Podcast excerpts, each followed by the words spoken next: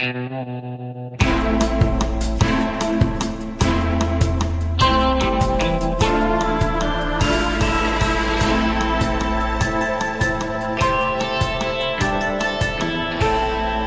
videnskabsfolk altid udforske, udfordre myndigheder og politikere, eller skal videnskabsfolk nogle gange bare sørge for at øh, være lojale og holde de kritiske spørgsmål under dynen, indtil krisen er drevet over? Jeg har budt mig til, hvor jeg synes, det har været vigtigt at få påpeget nogle vinkler på tingene, som ikke har været der. Christine Stabel Ben er tilhænger af den første model. Under coronakrisen har hun gang på gang øh, talt øh, lodret imod det, der var den store strategi. Nogle gange har hun endda fået ret. For eksempel, da hun meget tidligt sagde, at tidligere coronasmittede får lige så gode antistoffer som en vaccineret. Andre gange våger hun så ud, hvor vi ikke kender svaret endnu. Det gælder for eksempel langtidsbivirkninger af vaccinerne. Vi ved, at vacciner er fantastiske midler til at beskytte mod en given sygdom. Den forskning har afdækket, at, at vaccinerne påvirker immunsystemet langt bredere, og dermed også risikoen for andre infektioner. Og det kan de gøre øh, på en meget gavnlig måde. Men der er også vacciner, som kan gøre det modsatte. Christine Stabel Ben er professor ved Syddansk Universitet, 54 år, forsker i vacciner og epidemier, og er nu gæst i Spurt på Radio 4. Jeg hedder Kasper Harbo. Velkommen. Tak. Go where the fire is, sagde din mentor engang til dig. Og nu siger du det videre til dine studerende. Gå derhen, hvor der er ildebrand. Hvad vil det sige for en forsker? Han sagde ikke bare, go where the fire is. Han sagde også, go where everyone is skeptical, but no one can explain why.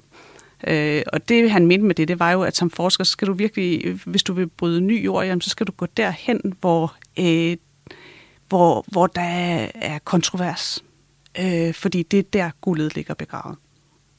Hvordan vil du beskrive den ildebrand, hvis vi skal blive ved det billede, der hersker på coronafeltet? ja, men der er fuld gang i branden over hele banen, fordi der er jo basis for masser af kontrovers, når der man står midt i en pandemi med et nyt virus, og man har så mange ubekendte, som man har. Fordi vi har så få datapunkter, øh, at øh, vi i virkeligheden alle sammen kan binde dem sammen til forskellige historier, der alle sammen inkluderer alle datapunkterne, men stadigvæk ender med en helt forskellig fortolkning. Øh, og, og på den måde, så er der jo virkelig basis for, at man kan blive uenig. Øh, for, for hvis jeg ser på data og får en fortolkning, en anden forsker ser på de samme data og får en anden fortolkning, jamen men så er det jo lige der, der det brænder. Det centrale spørgsmål, Christine Stabelben, det er, skal videnskabsfolk altid udforske og udfordre den store fælles fortælling, eller skal de nogle gange et, være lojale og holde kritiske spørgsmål under dynen, til krisen er drevet over. Hvad vil du svare på det? De skal selvfølgelig udforske. Det er jo i vores øh, DNA, og det er jo det, øh, der er rigtig, rigtig vigtigt i sådan en situation. Og jeg vil godt bare sådan bruge et eksempel fra, fra England, fra Churchill, som jeg har læst om, at han altid, når han skulle træffe en stor beslutning, jamen så samlede han folk omkring sig, som havde forskellige meninger om den beslutning, han nu skulle tage. Og så lod han dem diskutere foran sig. Og ved at se de her forskellige meninger brydes med hinanden, jamen så blev han i stand til øh, bedre at træffe et informeret grundlag om den beslutning, han nu øh, stod med. Og, øh, og det synes jeg jo i al sin essens, at nu er jeg ikke sikker på, at Churchill altså var lige succesfuld, men han var dog trods alt rimelig succesfuld. Øh, og, og for mig at se, så er det jo det rigtige at gøre, når man står med øh, svære valg i en situation, hvor man har få data og, og, og flere forskellige fortolkninger, så er det så vigtigt, at man ikke låser sig fat på én fortolkning, men, men vender de forskellige fortolkninger mod hinanden. Så der synes jeg jo, at vi forskere har en vigtig, vigtig rolle at spille for, for beslutningstagerne ved at udspille de her forskellige og battle de her forskellige øh, fortolkninger over for hinanden. Så øh, det kan blive klart, hvad er det for en fortolkning, der måske på den nuværende tidspunkt allerede bedst øh, beskriver data? Er der en, der er bedre end en anden fortolkning?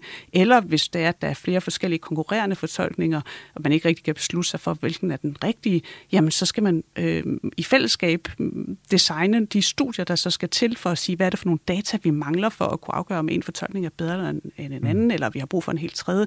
Jamen, det, det er jo det, vi kan som forskere. Programmet her hedder Spurt. Det er den sjældne første udgave.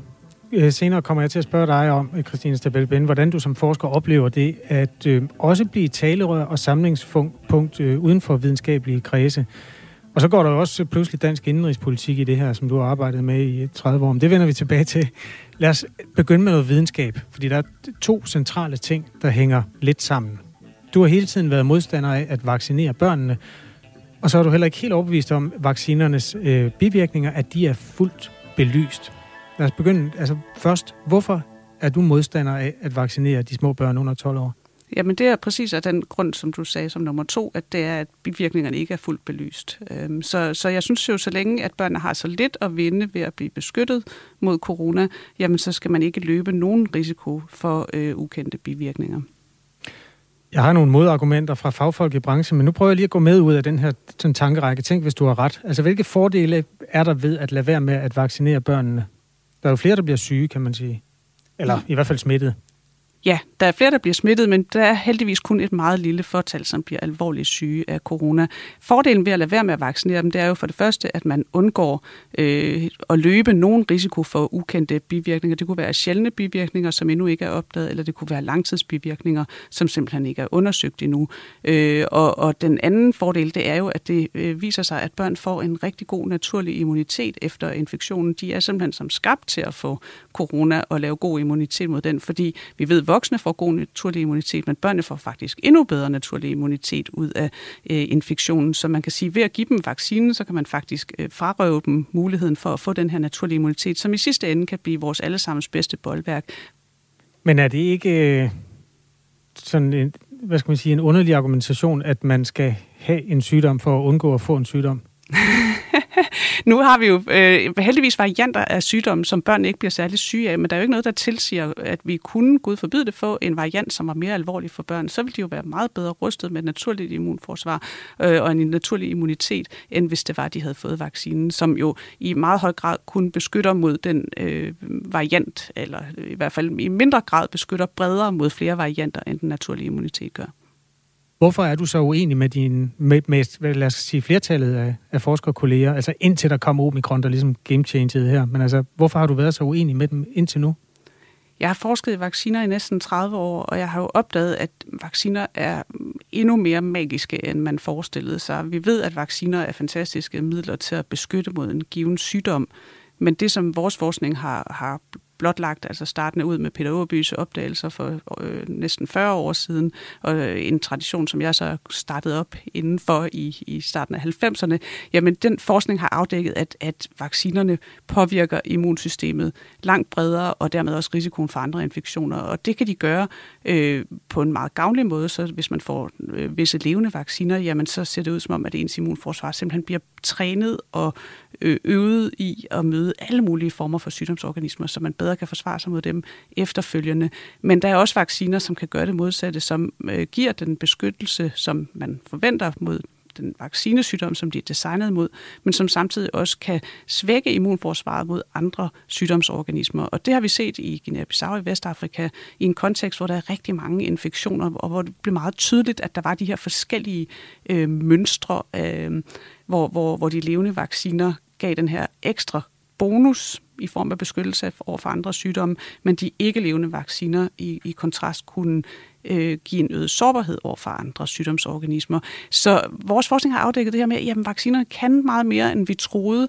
Det er ikke skrevet ind i lærebøgerne endnu. Det er stadigvæk noget et, sted, et andet sted, hvor der er rigtig meget mm. fire øh, og, og meget kontrovers. Øh, jeg tror, de fleste forskere i vores kredse nu øh, anerkender, jeg ved, de anerkender øh, de her uspecifikke effekter, som vi har afdækket, men, øh, men de har ikke snedet sig ind i public health endnu, de har ikke snittet sig ind i tekstbøgerne og sådan den almene øh, hvad skal man sige, uddannelse i medicin, immunologi, vaccinologi osv. Så, så de fleste folk er ikke bekendte med dem og, og tænker stadigvæk på vacciner som noget, der kun er designet mod vaccinesygdommen, og så kan give de her velkendte bivirkninger de første uger efter, som man jo så kan synes er lidt ligegyldigt, hvis man får den her beskyttelse mod vaccinesygdommen.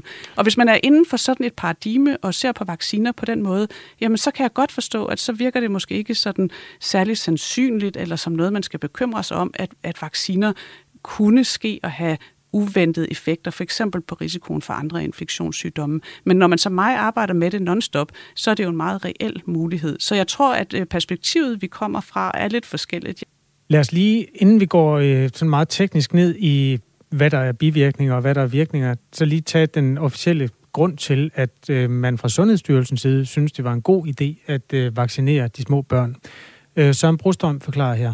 Nogen siger, at man bare skal lade epidemien rase blandt børn, og øh, i stedet for at vaccinere osv. Det, den, den tror jeg simpelthen ikke på, og jeg ser heller ikke særlig meget øh, faglig konsensus omkring den, hverken i Danmark eller internationalt, fordi det er sådan en hypotetisk antagelse om, at man kan lade en smitte eller en epidemi køre i en vis del af en befolkning, og så griber den ikke over på resten af befolkningen. Det kan jeg simpelthen ikke se for mig. Hvis man havde den strategi, så ville man alt andet lige se smitten skvulpe over på generationerne, øh, og dermed også ramme de ældre og sårbare. Ligesom vi faktisk så, da epidemien tog fart i efteråret. Så den tror jeg simpelthen ikke på. Hvad tror du, Christine Stabelben? Kan man godt øh, lade epidemien rase blandt dem, der ikke bliver så syge af den, og så holde de andre i sikkerhed? Jamen, Søren Brostrøm, han anfører nu her samfundsargument, som ligesom har været Sundhedsstyrelsens argument for at vaccinere børn øh, hele vejen igennem. Og ja, det har jeg anfægtet, øh, fordi jeg synes ikke, vi har gjort nok for at beskytte de ældre. Jeg synes sådan set, det er et udmodsagt øh, postulat, at det ikke kan lade sig gøre. Øh, helt fra starten af, der stod det klart, at vi havde en sygdom, som var over tusind gange mere farlig for de ældre, end det var for børnene. Og at hvis man virkelig ville lave noget målrettet indsats, så var det for de ældre. Men alligevel så kom vi for sent ud af hullerne øh, i Danmark, og, og det gjorde de sådan set også i Sverige og rigtig mange andre steder.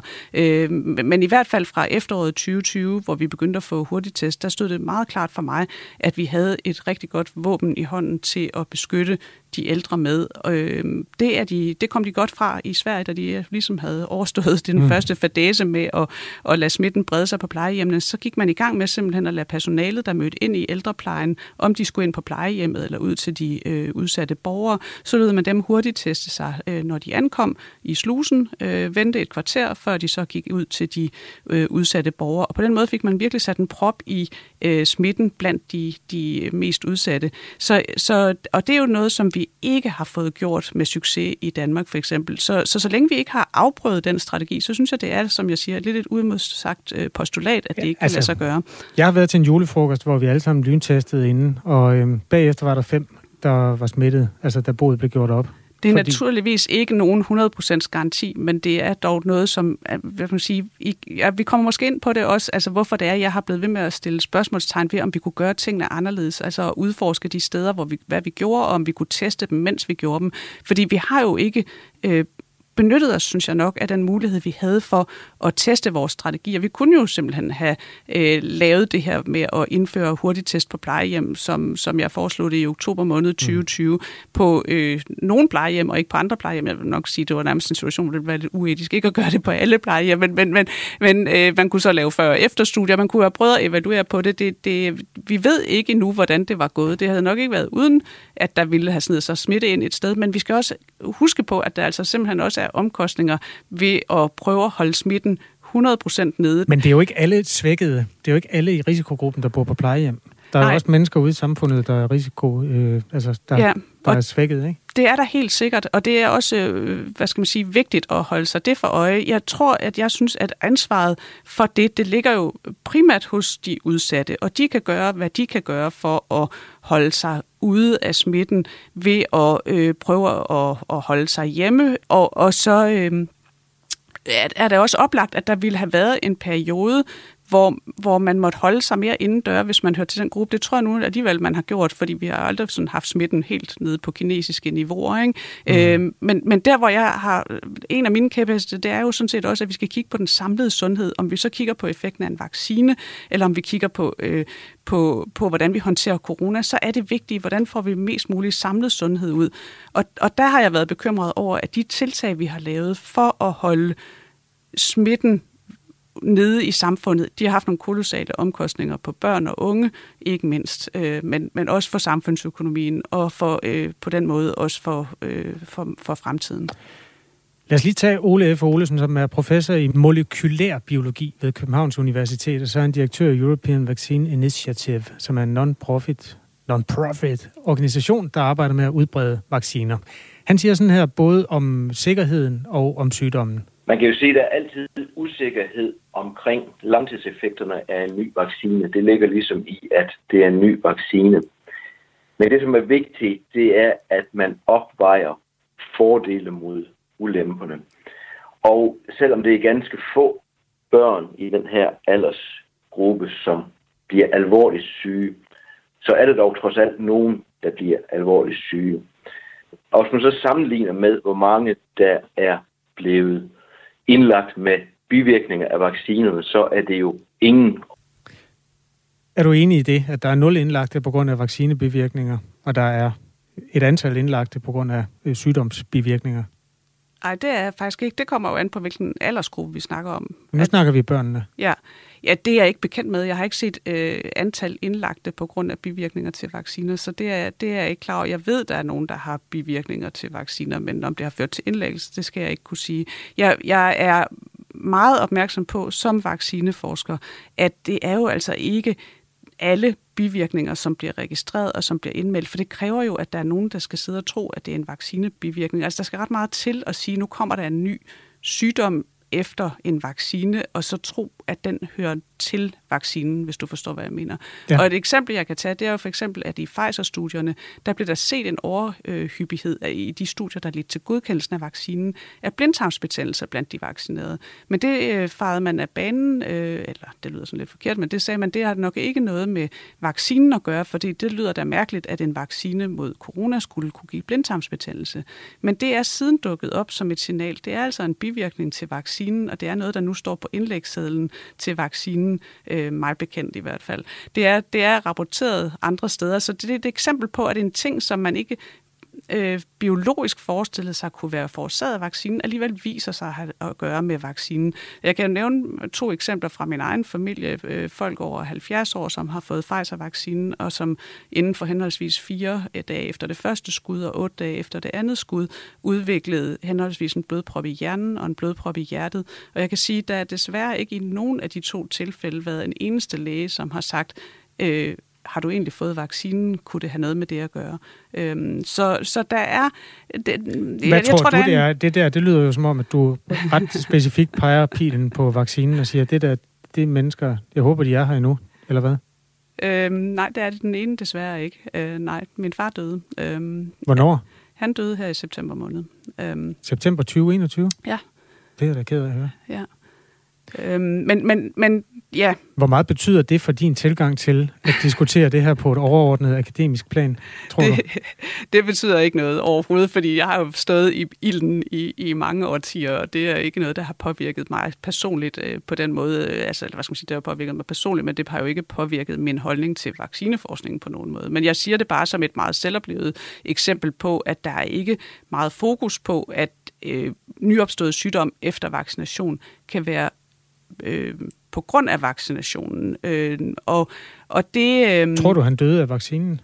Det ved jeg ikke, og det, det var så mit andet, den anden del af mit svar til dig, det er, at jeg, øh, jeg kan jo ikke vide, om det er på grund af vaccinen. Jeg ved bare, at det er utrolig vigtigt, at nyopstået sygdom efter vaccination, at det indmeldes, øh, registreres og indmeldes som en mulig bivirkning, så der senere hen kan laves opgørelser af, om der dukker et eller andet mønster op. Og det øh, kræver jo altså, det, det, jeg tror, der er mange der, der, der tænker og er lært op med, at det system er rigtig godt, og det vil fange, hvis der er bivirkninger. For eksempel siger man jo så, at nu er der rullet øh, så og så mange 8 millioner doser ud i USA, og vi har ikke set nogen problemer endnu. Jamen for mig er det ikke noget særligt trygt system, det her sådan øh, spontan indrapportering af bivirkninger, fordi det kræver, at, at nogen i første omgang overhovedet skal tænke på, at noget kan være en bivirkning. Og der vil mm. specielt være en bias imod øh, det uventede.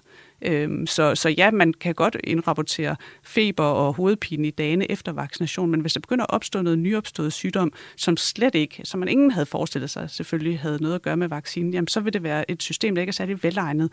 Og det er jo også derfor, jeg har advokeret meget for, at Øhm, for det første synes jeg, det var forkert, at vaccineforsøgene blev stoppet så hurtigt, og at man ikke havde længere tids follow-up. Altså i gennemsnit er der jo få måneders follow-up efter anden dosis i de her studier, som ledte til godkendelse af vaccinerne. For det andet har man ikke gjort nok i, i min optik for at rulle dem ud på en måde, der tillod en evaluering, øh, hvor, man, øh, hvor man, mens man rullede dem ud, faktisk også fik den her aktive, fortløbende registrering af, var der nu øh, forskellige sygdomsmønstre blandt de, der havde noget at få vaccinen, versus de, der endnu ikke havde noget at få vaccinen, som kunne informere os bedre om, hvad er bivirkningerne. Jeg anede ikke, din, at der var sket det her frygteligt med din far. Øh, det, det her det er ikke en sammenhæng til det. Men, men det, jeg vil spørge dig om, det er, som almindelig borger, så kan det være rigtig svært at se klart i det der. Og i en tid, hvor den enkelte måske har brug for vaccinen, men fravælger den, fordi øh, hvad skal man sige, man kan lade sig overbevise af, af de her anekdotiske film, for eksempel, der kører på, på, nettet. Hvad vil du sige til et menneske, der går med de overvejelser? Jeg kan rigtig godt forstå, at man har de overvejelser. Jeg synes, man øh, har en god basis for selv at vurdere, om man nu skal lade sig forskrække af bivirkninger eller af sygdom, fordi det er jo det valg, som den enkelte borger står med. Øh, og det udgangspunkt, det er jo, at vi ved, det er en sygdom, som har nogle helt klare risikofaktorer, og den ene af dem, det er alder, og den anden af dem er underliggende sygdom. Så hvis man har en høj alder, eller hvis man har øh, en underliggende sygdom, så, øh, så ved man, at risikoen for at få alvorlig corona kan være rimelig høj. Og så øh, kan man godt leve med, mener jeg, at der kan være nogle ubekendte i forhold til bivirkninger. Øh, og det er jo så en situation, der ser helt anderledes ud, hvis du er et barn, der har en meget lille risiko for at få alvorlig corona. Jamen, mm. så er det jo, at, at bivirkningerne lige pludselig begynder at betyde noget. Det, det er jo et valg, man som udgangspunkt kun kan tage som individ, og som hænger rigtig meget sammen med, hvilken underliggende øh, sundhedsstatus man ellers har.